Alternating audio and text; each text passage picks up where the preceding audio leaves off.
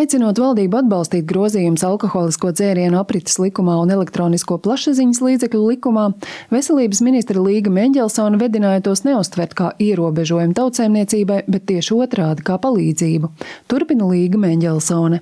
Lai tās slimības lapas, kas ir saistītas ar paģirām, tās slimības lapas, kas ir saistītas ar darba nespēju, jo ir alkoholisms, tās aploksņa algas, kas saistītas ar uzturlīdzekļiem, tāpēc, ka tēvs dzer darbā viņu vainu tikai par aploksņa algu, līdz ar to viņš nevar maksāt uzturlīdzekļus akūto nepieciešamību pieņemt grozījumus, kas palīdzētu mazināt dzeršanas postu, izcēla arī veselības ministrijas galvenā speciāliste narkoloģijā, Rīgas psihiatrijas un narkoloģijas centra ārste Astrīda Stirna. Mums katru gadu, it sevišķi pagājušā gadā, ir ļoti pieaudzis gan alkohola psihožu, gan smagu alkohola abstinenču skaits. Ir palielinājies šo pacientu skaits, kas nokļūst pie mums ar neatliekamo palīdzību. Repliku veselības ministrē veltīja aizsardzības ministra Ināra Mūrniec no Nacionālās apvienības. Es, Meņelsons kundze, jūs apsveicu par drosmi, jo tas lobbyis, kas jums stāsies pretī, un ne tikai jums, visiem šiem alkohola pretpasākumiem ir diezgan liels un ar lielu svaru.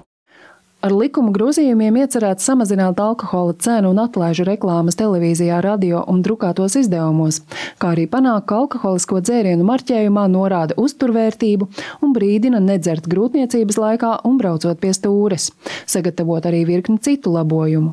Iebildums pret tiem cēla visu skarto nozaru pārstāvji, to skaitā elektronisko mēdīju uzraugs, aizrādot, ka reklāmas ierobežojumi neskars retranslēto ārvalstu kanālu saturu, bet tikai vietējos plašsaziņas līdzekļus. Izsakās Nacionālās elektronisko plašsaziņas līdzekļu padomes locekle Ieva Kalderauska. Mēs uzskatām, ka nesasniegs mērķi tieši tāpēc, ka šis liegums attiecās uz daļu no nozares spēlētājiem.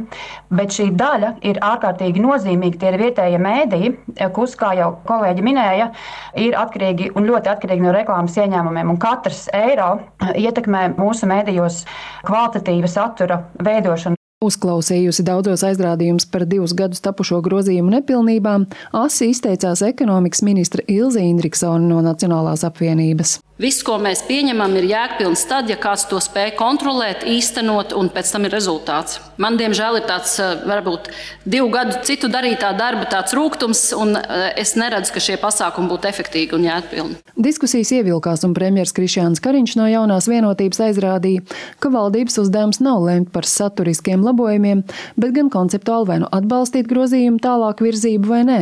Galu galā valdība atbalstīja likuma izmaiņas, un, lai tās stātos spēkā, saimai tās jāatbalsta trīs lasījumos. Zana Eniņa, Latvijas radio.